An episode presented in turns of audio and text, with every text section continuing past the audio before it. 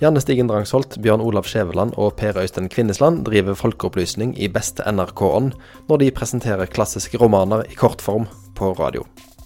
På Kapittelfestivalen i 2018 tok de med seg litteraturshowet sitt til et lydhørt publikum på Sølvberget. Hei, alle sammen. Hei. Og velkommen. Jeg heter Per Øystein Kvinnesland. Bjørn Olav Skjæveland heter jeg. Janne Stigen Drangsholt. Og, og hadde noen sagt til oss for et par år siden at vi skulle, jeg og Skjæveland skulle eh, opptre på en eh, litteraturfestival, så hadde vi ikke trodd det sjøl, og ikke så mange som hadde trodd det, tror jeg. Nei, eh, og jeg tror at vi er kanskje de første til å opptre på Kapittelfestivalen. Jeg tror egentlig kanskje vi er de første til å opptre på en litteraturfestival i det hele tatt som ikke har lest de bøkene vi skal snakke om. Så vi er på en måte pionerer her. Men, men utgangspunktet her og bakgrunnen den har jo med, med radioprogrammet vårt å gjøre, og det starta for eh, et halvannet års tid siden. Ja, og, og det her høres litt arrogant ut, men når vi fikk lov til å sende radio på dagtid eh, med hele Norge som publikum, 300 000-400 000 som hører på hver eneste dag, så tenkte vi umiddelbart nå ringer snart Dagens Næringsliv. Nå ringer de, og så spør de hva har vi på nattbordet. Hva har vi der? Det tåler ikke dagens lys. Du kikker bort der, og så tenker du det der kan jeg ikke snakke om. Eh, og hva gjør du da? Nei, altså det er sylt ut. Vi må finne en måte å framstå som at vi har lest. For tid til å lese har vi ikke alltid. Og da kommer vi jo på hva om vi kan få noen til å lese for oss. Hva om Janne kunne lest de for oss og fortalt om de i radio. Og så begynte det. Én gang i uka, én klassiker hver dag. Tre-fire minutter. Så framstår vi som om vi har lest den etter å ha hørt på Janne. Genialt. Nå har vi snart ikke lest 50 bøker. Ja, jeg er kjempeimponert. Og, og, og, og i flere anledninger har vi framstått veldig mye smartere enn vi egentlig er. Og vi har vært på turné. Ja visst har vi ikke vært på turné. Eh, vi har vært eh, på Finnøy, har vi vært. Eh, så har vi vært ved Hjelmeland, på Jørpeland, og så hadde vi den feiende flotte turen til Levanger. Ja. Og da tenker dere kanskje vi var på Litteraturhuset i Levanger. Kulturhuset. Det var vi ikke. Nei, Vi var på den minste puben i Levanger. og det var ikke fullt. Men, men, men folk ringer oss og er veldig glad for, for det som Janne gir oss her. gjennom disse her. Og vi vet at det blir brukt i skolen. Flere folk tar det til seg og ser på det som noe veldig nyttig. Så det syns vi er kjekt. Så derfor så turer vi i gang. Skal vi det? Og så spør vi aller først hva er en klassiker? En klassiker eh, Jeg tenker tre kriterier for at en bok er en klassiker. Eh, det første er at folk gjerne hevder at de har lest den for lenge siden. Eh, at det er liksom sånn Gjerne Og at de hevder at de leser den for andre gang. At det er greia. Så mer sånn Ja, forbrytelse og straff. Den leser jeg når jeg var 16, men nå leser jeg den på ny. Det, da vet du ok, dette er en klassiker. Da er du allerede i fokus. Eh, punkt to. En klassiker er noe som evner både å si noe om sin egen samtid og om den menneskelige tilstand generelt. Og så tre.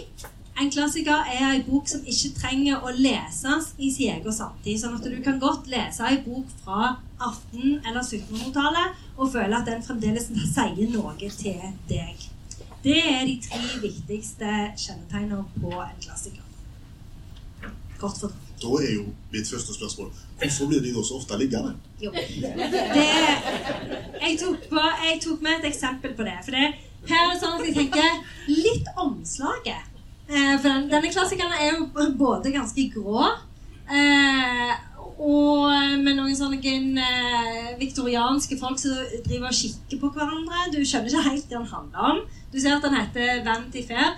Og så er det litt vanskelig navn på forfatteren. Han heter William Thackeray. Så liksom sånn, hvordan skal jeg uttale det? Og så er han jo ganske tjukk. Så det er liksom sånn Har jeg lyst til å lese denne på sommerferien? Kanskje ikke. Kanskje jeg tar en Grim i stedet. Så, så dette, jeg tenker utseende, navn på forfatteren og tykkelse er ofte en ting som gjør at folk snur seg vekk fra klassikerne og heller kjøper den boka som er, koster 69 kroner på ark. Kjenner du igjen? Veldig. Veldig. Jeg har ikke valgt den.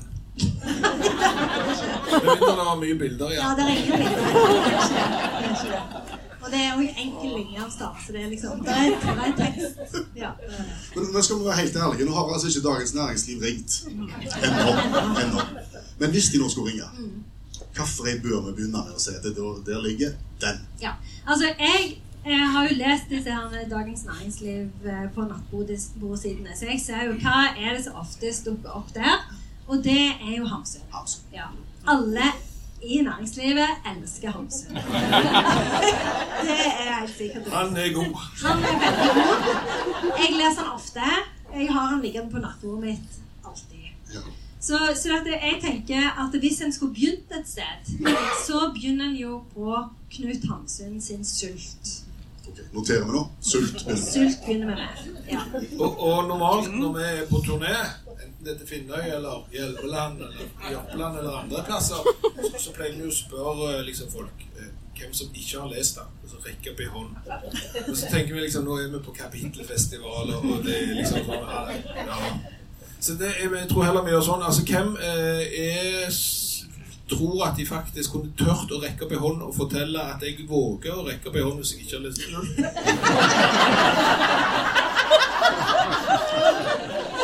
Ja, men da er det jo iallfall noen Det er det vel. Ja. Kan vi ta Sult på tre og et halvt ja, det kan vi Ja, vi gjør det. Ja, ja. Ok. Alle klare? Skal vi se. Det var i den tid jeg gikk omkring og sultet i Kristiania, denne forunderlige by som ingen forlater før han har fått merke av det.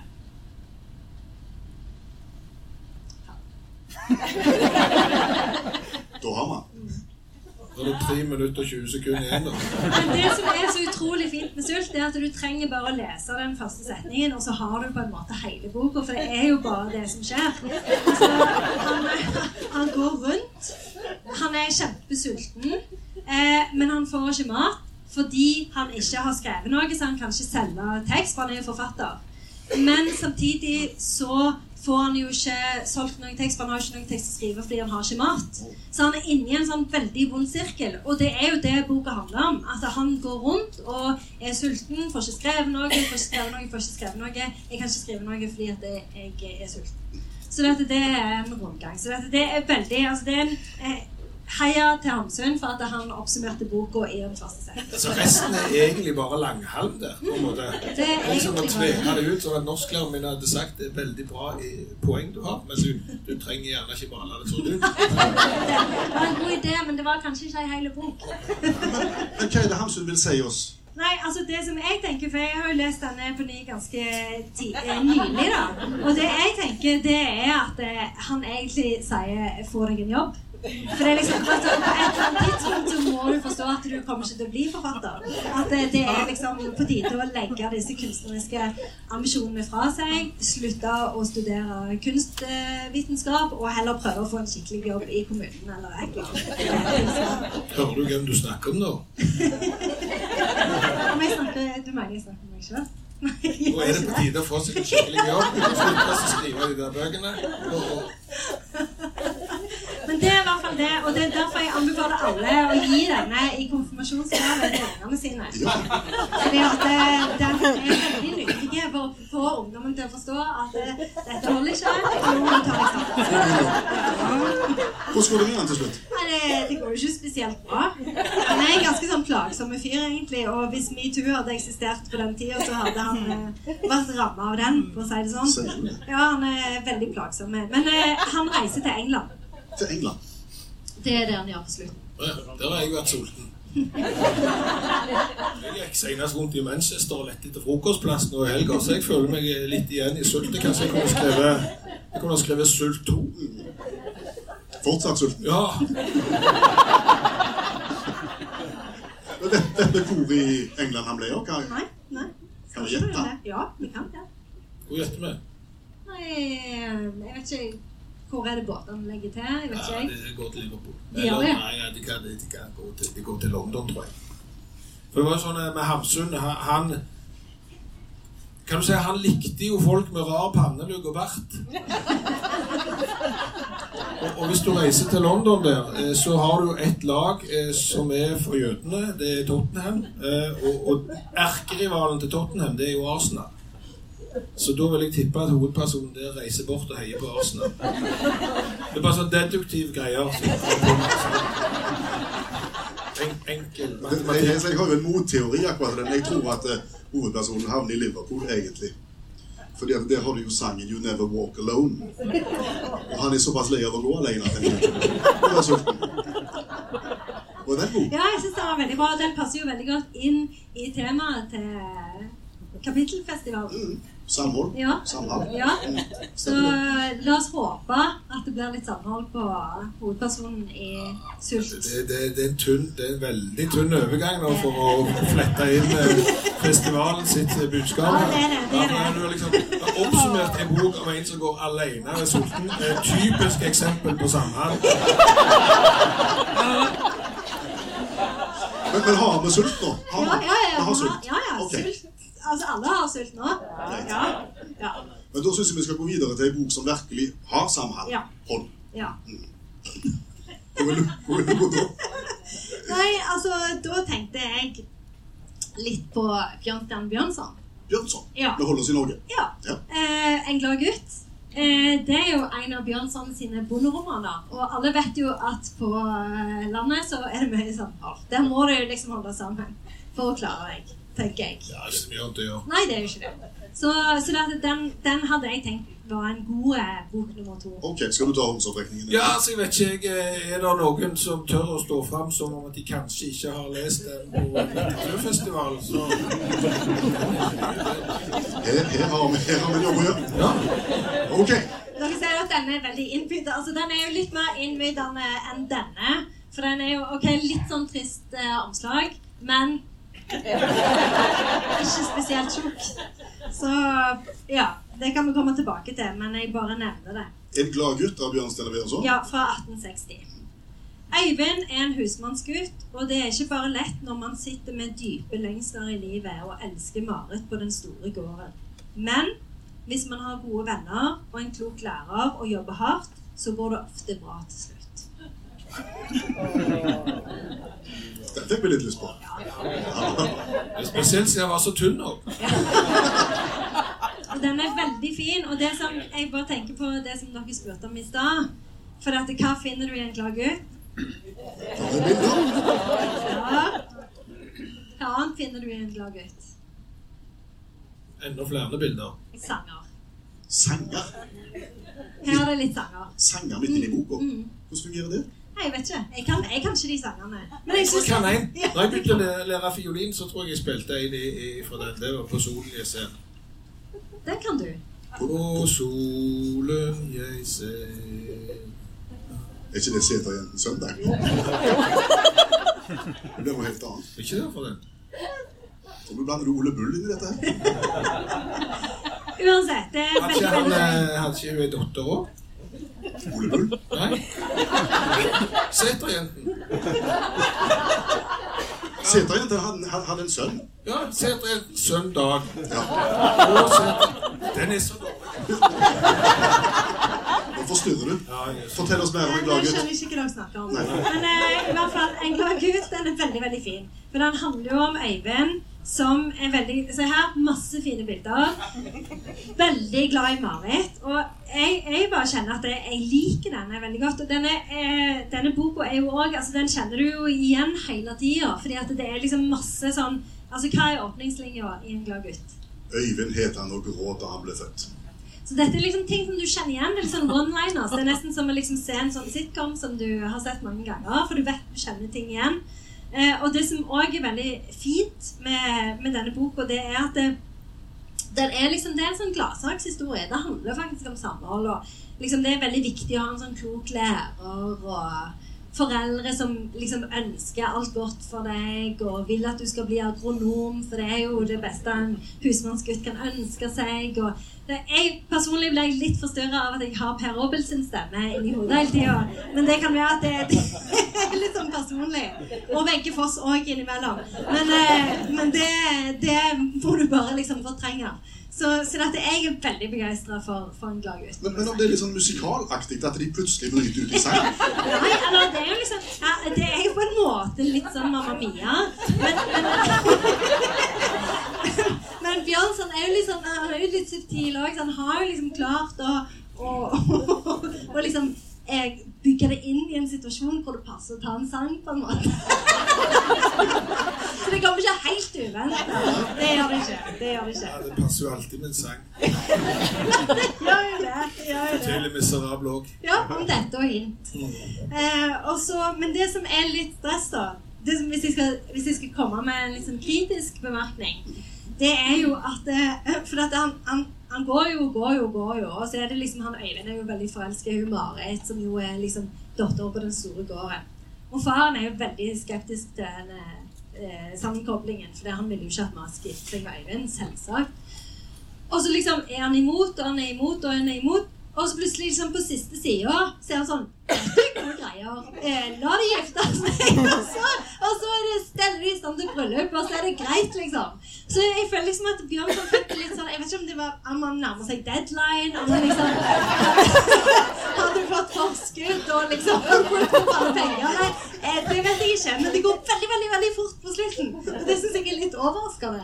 Jo, men det, det kan jo hende at han hadde skrevet nok ord. Ja ja, det kan være. Fordi at jeg husker når jeg skulle skrive stil på skolen, så var det sånn, at du skulle skrive så og så mange ord.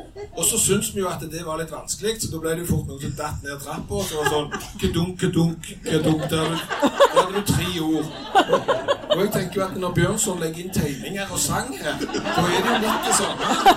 Og så når han plutselig da te- teller, så er det kort. skrevet altfor mange ord. Det er sånn, det som er veldig fint, det er at det det er virkelig sånn at det for, for slutten er liksom Her ender fortellingen som en klage.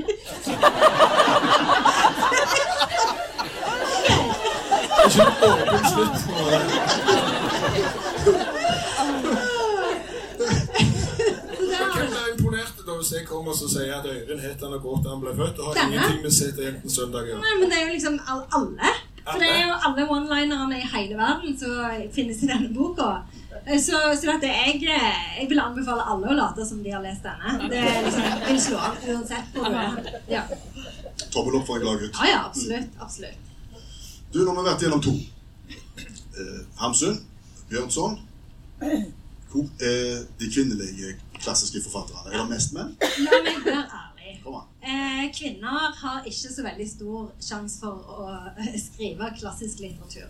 Fordi at eh, kvinner eh, er liksom eh, Altså, det skal mye til for at kvinner blir regna eh, som en klassisk forfatter. Delvis fordi det er på en måte menn som bestemmer hvem som blir klassiske forfatter. Da har de en tendens til å velge sine egne. Og delvis fordi kvinnelitteratur eh, Eller litteratur skrevet av kvinner ofte blir regna som kvinnelitteratur. Så hvis eh, ei kvinne skriver om livet sitt, så er det liksom en tsunami av eh, brystmelk. Mens hvis en mann skriver, mann skriver om livet sitt, så er det liksom om livet. Selve livet. Så sånn er det bare. Og sånn har det alltid vært. Og det må vi nesten akseptere. Men så er det noen kvinner som har vært veldig, veldig lure, da. Eh, og de har jo skrevet bøker under mannlig pseudonym. Eh, og da er det sånn at det bøkene deres selger veldig bra, og de liksom, å, alle syns at de bøkene er kjempelure, eh, bra og flinke og gode. Og så avslører de først litt seinere at det er faktisk er kvinne, og jeg heter Charlotte Bronte. Så det er et triks som jeg vil anbefale alle å bruke. Er ikke det ganske trist? Jo, det er veldig trist, det er det. Men, eh, men i hvert fall, eh, dette er jo en tredjeklassiker som jeg vil anbefale alle å enten lese, eller helst lese, men òg late som de har lest. Eh, For det er jo en forriktig klassiker fra eh, 1800-tallet. Jane Eyre. Jane Eyre. Du, du velger heller ikke den på, på coveret. Nei, det er det du ikke gjør. Eh, For her er det veldig triste folk på framsida. Ganske tjukk, ingen bilder. Og jeg vet ikke om dere klarer å se det, men veldig veldig liten tekst.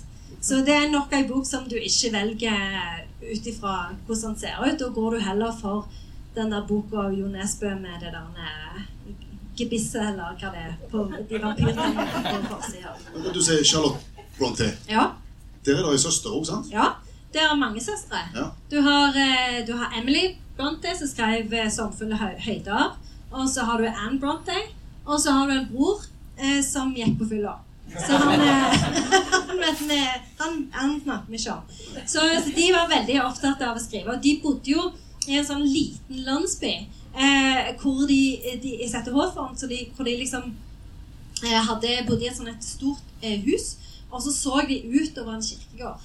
Eh, og så satt de og så skrev, og så kikket de ut på denne kirkegården hvor det var veldig mye aktivitet, heldigvis, fordi at det var pest. Eh, akkurat eh, Eller ganske lenge, da. Så det var mye som skjedde på den eh, kirkegården. Så satt de der og skrev. Så det er liksom deres fortelling, da. Du blir ikke bedre motivert enn når du kan sitte og se utover kirkegården med folk som blir båret inn der. Men, men det, det, var pest, da. Bare sånn i tilfelle noen får valget en gang. Sånn, du hører jo alltid at det, du velger mellom pest og kolera. altså. Da må du aldri være i tvil. Da velger du kolera.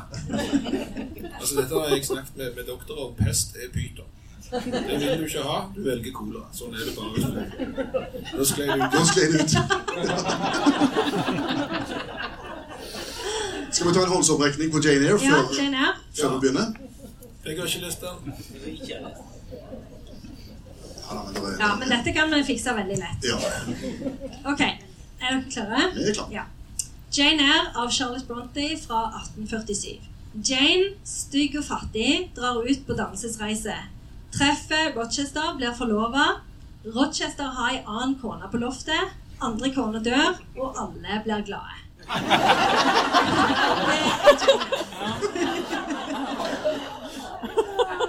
Utrolig folk har på loftet.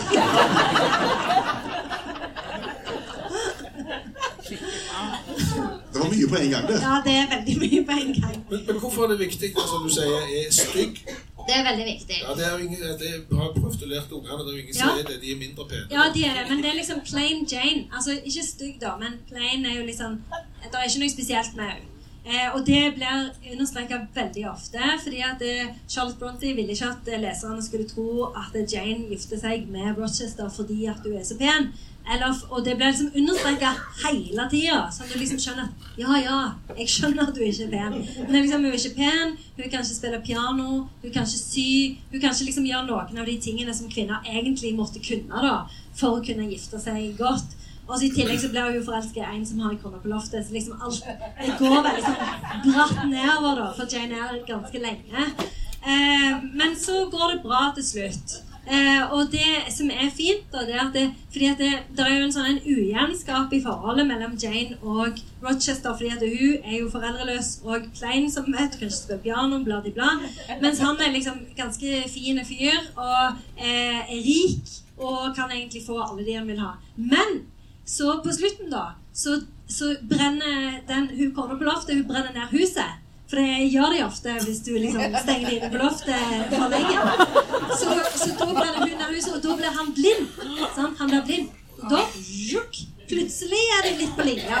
Så da er det greit. Og Jane har fått seg jobb og sånn. Så da, da er det greit. Så da kan de gifte seg. Så det er en veldig sånn lykkelig slutt. Da, Samhold. Da er det samhold. Samhold. Flette det inn overalt. Altså. Men, men han Rochester, Ja. han er ikke så kjekk, han er egentlig. Han er liksom sånn Han er, han er veldig sånn typisk mannlig helt. Altså, det er jo en sånn en heltetype som en rene eh, Brogde-søstrene har funnet på. Som er jo veldig fascinerende, for de hadde jo ikke sånn veldig mye kontakt med menn utover han der forfylla broren, da. Men, men, men, men de fant opp liksom eh, det som en kaller for den byroniske helten. Og det er en litt sånn sur fyr. Gjerne litt sånn skjeggete, en sånn høy, tynn, mørke type. Som liksom eh, ikke vil snakke med noen, men som har funnet seg én sånn utkåra som han liksom drar til seg med blikket sitt. Og det er liksom Det er Rochester. Så bortsett fra det Skjeggete Høgen. Bortsett fra det der med tynne, så kjenner jeg meg igjen. Det kan være skikkelig sur.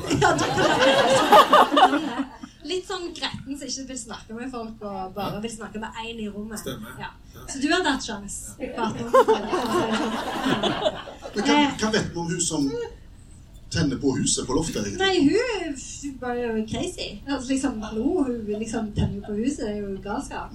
Men det som er fint, da, det er at det, Det er jo liksom det plottet i Jane Eyre som blir regna for liksom det rasistiske plottet. fordi at det, Rochester, altså det er jo et sånn et, en sånn historie som Charles Bronte ikke snakker så mye om, og det er jo at Rochester har jo interesser i koloniene. Og han har gifta seg der. Så det er liksom en sånn Så importkone? ja, han har importkone, og det liksom antydes at på en måte det er det som er problemet med hun. Sånn? Så det at det, i eh, 1966 var det vel, så skriver Jean Reece en sånn fantastisk bok som heter White Sargasso Sea, hvor hun forteller historien til hun eh, gamle dama på loftet. Dette er en annen bok, ja. Det er en helt annen bok som er liksom en sånn en, eh, sånn en hva det heter, spin-off-serie fra Jane Eyre.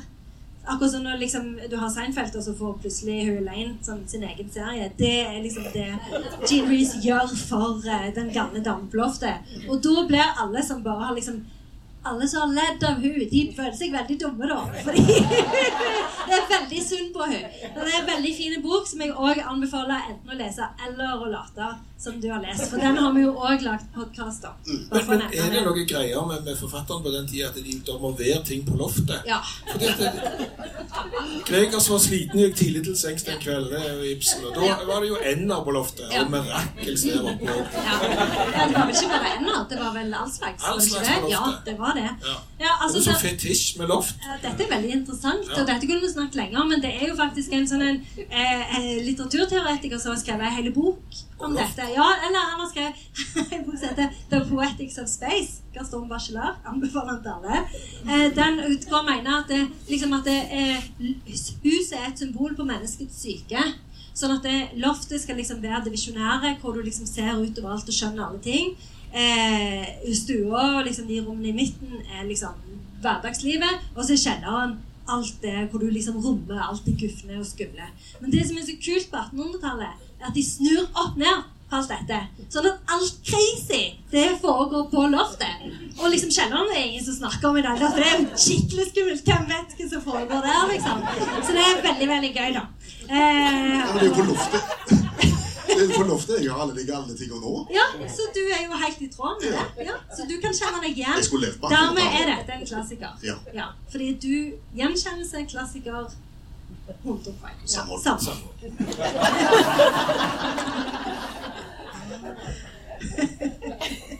Om, om, om det går an å så Dette har jeg ikke forberedt deg på, men nå kommer det et spørsmål. Går, går, Nå er du litt interessert. ja. går det an å si noe om eh, det typiske handlingsmønsteret i en klassiker? Eh, ja, det gjør det. Fordi det er liksom én eh, Ikke bare en klassiker, da, men i alle bøker i hele verden. da. Eh, og det er liksom eh, eh, noe som på engelsk blir kalt for 'depressed'. Som det ikke er sånn veldig godt ord for på norsk, men det er liksom premisset er at det, kongen er syk, og da blir landet òg syk. Alt er liksom øde. Så kaller jeg kongen til sin ridder og sier nå må du gå ut og få tak i den hellige gralen, sånn at alt kan bli bra igjen. Så går ridderen ut, kjemper mot monstre og gufne ting, ofte dobbeltgjengere, veldig skummelt. Får tak i den hellige gralen, går tilbake til kongen, gir kongen gralen. Kongen, tusen takk, dør, og så blir ridderen eh, ny konge. Det er liksom egentlig handler alle bøker Så egentlig trenger du å lese ingen bøker. Trenger For det, det, det er det alle handler om. Du trenger jo bare se Shrek på, på TV. Det er. Ja, eller Star Wars. Liksom, en, nå er jo Star Wars litt komplisert, men en Star Wars-film trenger du å se. Og så har du det. Går det an å skrive en klassiker i egen samtid? Eller må, må han være gammel og du må være død før han blir klassiker? Helst være død. Mm. Det hadde jeg foretrukket. da er du liksom Og pluss mye Til og med kvinner liksom kan bli eh, Kan få klassikerstatus hvis de dør plutselig. Ja, altså, det det er jo vanlig at, eller det er ikke vanlig, men det hender at folk får oppkalt gater etter seg Ja. mens de er nå i livet. Nei, det, det, er er bare, det er bare i Haugesund. I Haugesund skjer det rett som det er. Ingen andre plasser. Jeg har prøvd på Ålgård mange ganger. Det skjer ikke en drit. Hanne Krogsvei finnes i Haugesund. Det er ikke noe å le av. Det er mange som mener at det burde vært en rundkjøring. Tror du de tok den? Ja, den er på nivå med søndag. Men ok, de, de får gater i sin egen samtid, men det er ikke så mange De får jo ikke gater i sin egen samtid hvis ikke det er Haugesund. Det, det, men, men, eh, men klassikere kan jo for så vidt bli. Altså Det som jeg tenker Nå er jo nobelprisen veldig nære. Altså Den er veldig, veldig nære. Eh, men mens nobelprisen ennå fantes, da, så kunne du jo se på de der bookinglistene. Eh, hvor det var liksom som de spekulerte i hvem som kommer til å vinne nobelprisen. Og da eh, var det et godt tips å gjerne se på hvem er det som blir spådd til å vinne nobelprisen. Og så tenker jeg, ok, Hvis de lever i dag, da har de skrevet klassisk litteratur. Så det, det er et tips. Hvem er det alle snakker om da, så liksom er på de listene? Ja, det er hvert år Jon Fosse. Det er liksom uansett I år blir Jon Fosse sitt år. Fordi at eh, I fjor var det en afrikaner, og liksom det var ei dame. Så dette er nå endelig nå er det Jon Fosse sin tur. Så du sier vi bør være forberedt på Fosse nå? Ja, ja. Ja. Hvis, hvis de klarer å få nobelprisen opp og gå igjen, ja. så, så Og det, det ser ikke bra ut, for å si det sånn. Men hvis de gjør det, så vil jeg tippe Jon Fosse. Og da er det veldig kult å komme på jobb dagen etterpå og være sånn Jon Fosse, ja. Han, eh, han kjenner jeg godt til. Så det er et tips til alle. Skulle vi tatt et Fosseverk, da? Ja, jeg syns det. jeg syns det. Og denne boka den har jeg faktisk lest på ny i dag. Så den har, eller, Det er jo et skuespill, da. Men den har jeg ganske godt inne. Hva, hva bok er det? Det er noen kjent til å komme. Fra 1960, nei, 1996. Den er ikke så gammel.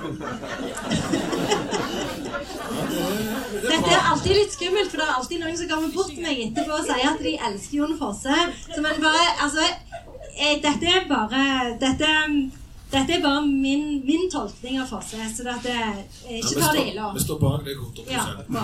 Noen kommer til å komme. Noen kommer til å komme. Og det som er fint, når jeg leste den på ny i dag, så var det sånn eh, at det er ei hvit side, og så står det personer. Og så står det han, hun, mannen. Samhold. Samhold. Eh, om dette kan bli liksom det offisielle tegnet til kapittelet. At alle liksom Kanskje i døra når dere kommer. Ja, ok, Nå teller jeg til tre, og så er alle sånn. Én, to, tre. OK, nå fikk jeg frysninger på ryggen. Det ble liksom greia. Det høres veldig kult ut. Nei, jeg skal inn der.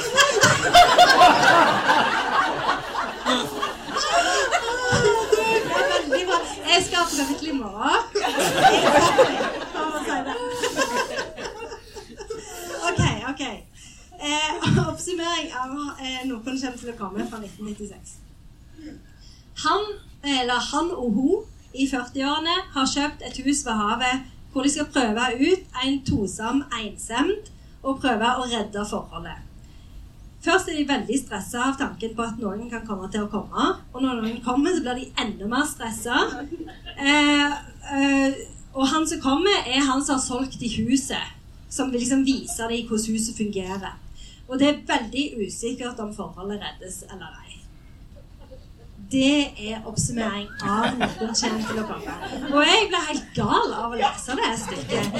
For det er liksom sånn at de er liksom sånn jeg kjenner vel på meg at noen kommer til å komme. Og så er han sånn Nei, nei, ingen kommer. Og så er det liksom sånn Ikke bare aleine, men aleine sammen. Og så er det liksom sånn Det er så out her at noen kommer til å komme. Og så er det liksom sånn Hold kjeft med det der! Når noen kommer til å komme! Drit i det! Jeg bare kjenner jeg helt sånn Jeg får lyst til å aldri lese en bok for i hele mitt liv. Det er bare, jeg kjenner jeg måtte det ut, fordi det var veldig Det pleier ikke liksom dere på Sandnes og så samles til sånn tosem, ensemt. Det var jo mitt, det var mitt største sjekketriks da jeg var. Det var sånn, Jeg har ikke lyst til å komme hjem til meg og være ensomme sammen.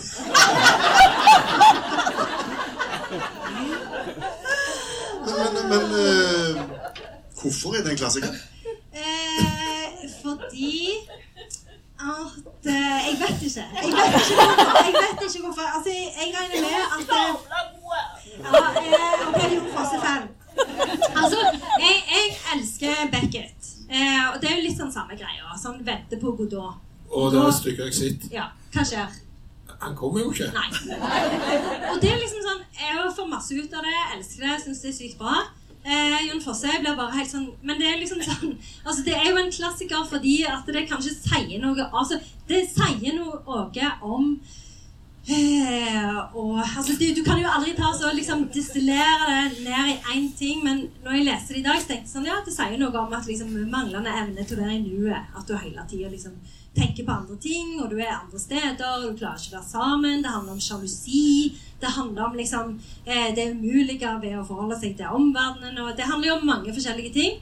Eh, så, men jeg syns det er veldig frustrerende, og jeg ville holdt meg til eh, vår oppsummering. Eh, hvis det var Er det et sitat? Ja, ja, det er et sitat. Der er det. Dette er sitatet. Eh, det er out og ikke out på samme tid.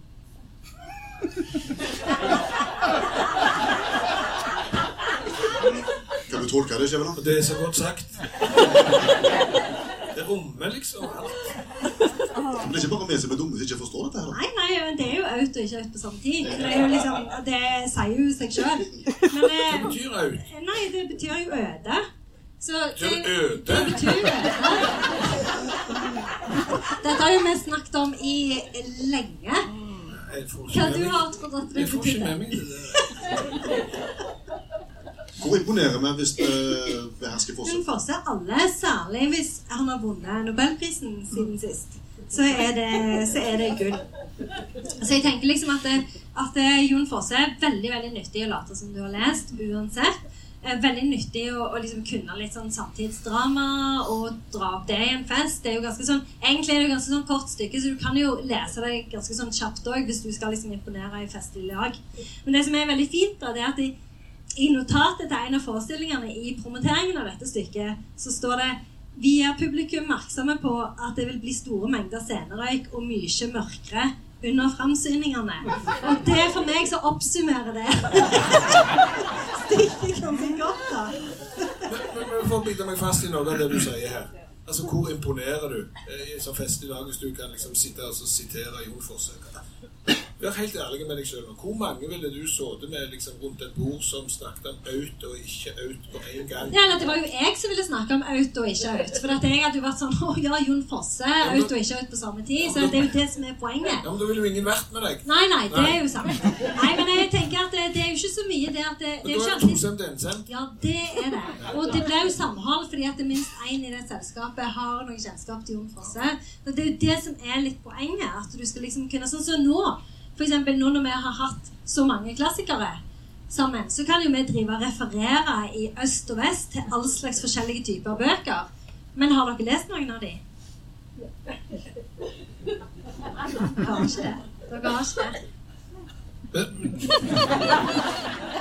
Det er mulig at jeg eh, skyter litt i eget reir her nå, siden jeg på en måte er med dere her. Men jeg syns jo Du er med også? Ja, men altså, jeg syns jo Jeg synes jo det der samhalsgreiene som dere har kokt i hop her, er noe tynt.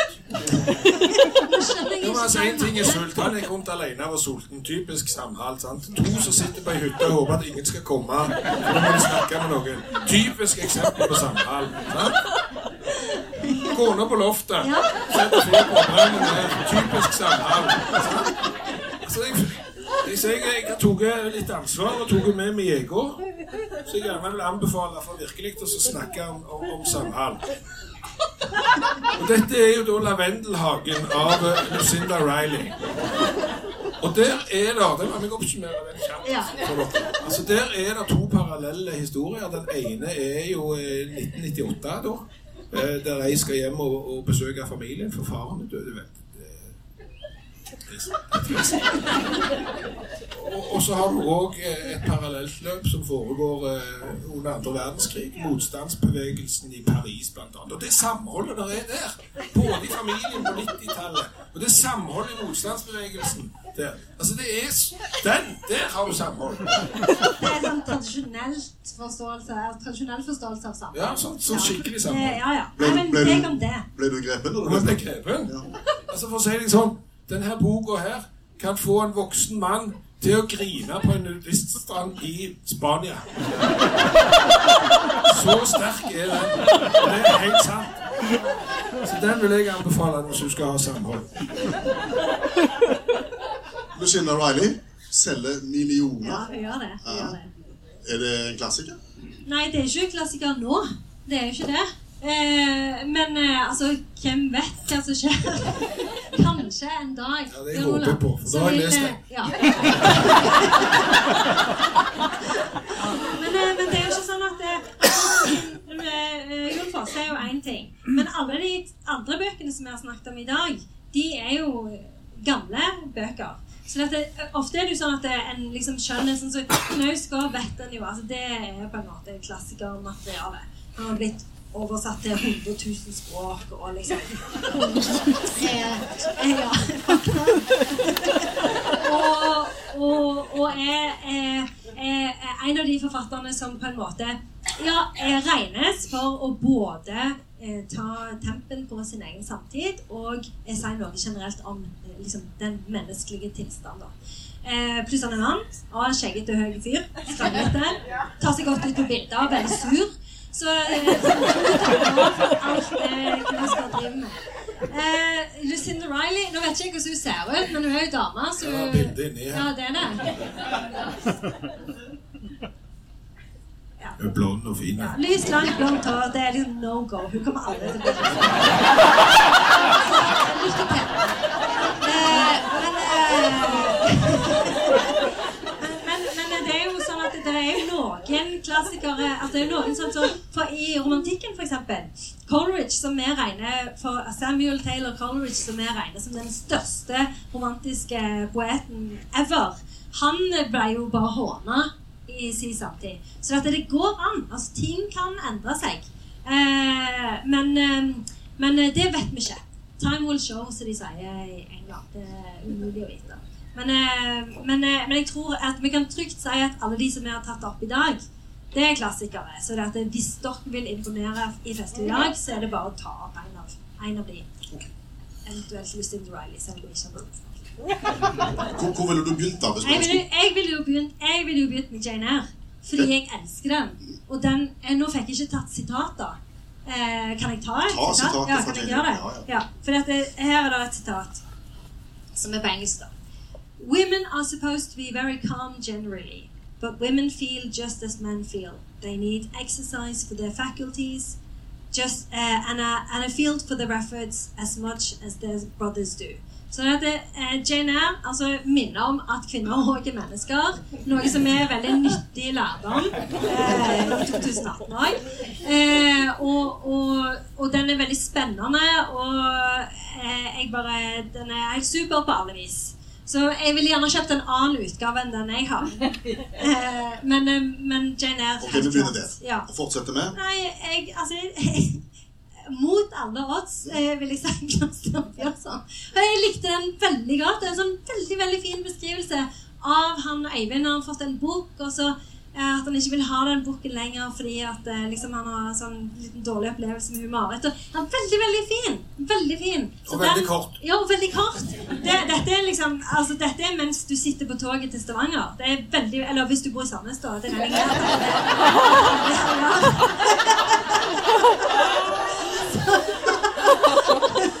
Så den, den anbefaler jeg som nummer to. Eh, og så ja, Hamsun god nummer tre. Altså det er jo, hvis, hvis, jeg hvis jeg hadde vært i næringslivet, så hadde jeg jo tatt Hamsun som nummer én. Eh, så, så det kommer jo litt an på hva, hva situasjonen du er i. Hvis du jobber i kommunen eller fylkeskommunen, så kan du bare ta Jane Eyre. Det er ikke noe problem. Så, så det kommer litt an på liksom, hvem du vil eh, imponere. Så fortsett til slutt. Fosse, ja, han hadde jeg glemt. Eh, han, eh, han, eh, han hadde jeg tatt til slutt, ja. Det hadde jeg. Altså, helt ærlig. Men ikke Ja. Hadde du tatt Jon Fosse foran Lavendelhagen? Eh, nei, ja, altså Nå, nå, eh, nå følte jeg at vi var eh, Lavendelhagen mm, Det er ingen outing i denne boka. Nei, men er ikke out? Det er ikke out Nei, det er ikke det. Nei. Ja, nei, altså, jeg vet ikke. Jeg, eh, jeg, jeg eh, Kanskje vi burde alle lest Lucinda Riley. Ja, det kan godt være. Det kan godt være. Og med det Det er slutten sin. Ja, ja. Jeg ble litt sånn, jeg ble, begynt, Det ble mange tanker inni hodet samtidig akkurat nå å ta stilling mellom Jon Fosse og Lucinda Riley. Så, så ja, jeg vet ikke. Jeg har lest masse bøker, og de du ikke har lest, kan du late som du ikke har lest. Nei, som du har lest. Ja. Er det spørsmål? Vi tar gjerne imot spørsmål, altså. Hva var nummer to bok du sa? Nummer to-bok. Ja, det var jo En glad gutt. En glad gutt av Bjørnson. Bjørnstjerne Bjørnson. Go ahead og les den. Det er jo, ja, det, det er jo en sånn en uh, Gyldendal skoleutgave jeg har, heldigvis. Så det var bare den de hadde på bokhandelen. Så den, den anbefaler Eller så kan vi jo avslutte med å si at alle de bøkene vi har vært igjennom, eh, som nå er 50-60, tror jeg, de fins i podkastversjon ute på internettet, så de kan lastes ned. Fire-fem minutter av livet deres per gang. Anvendt, vel anvendt tid. Eventuelt fire-fem minutter dere aldri får igjen. Tusen takk for oppmerksomheten.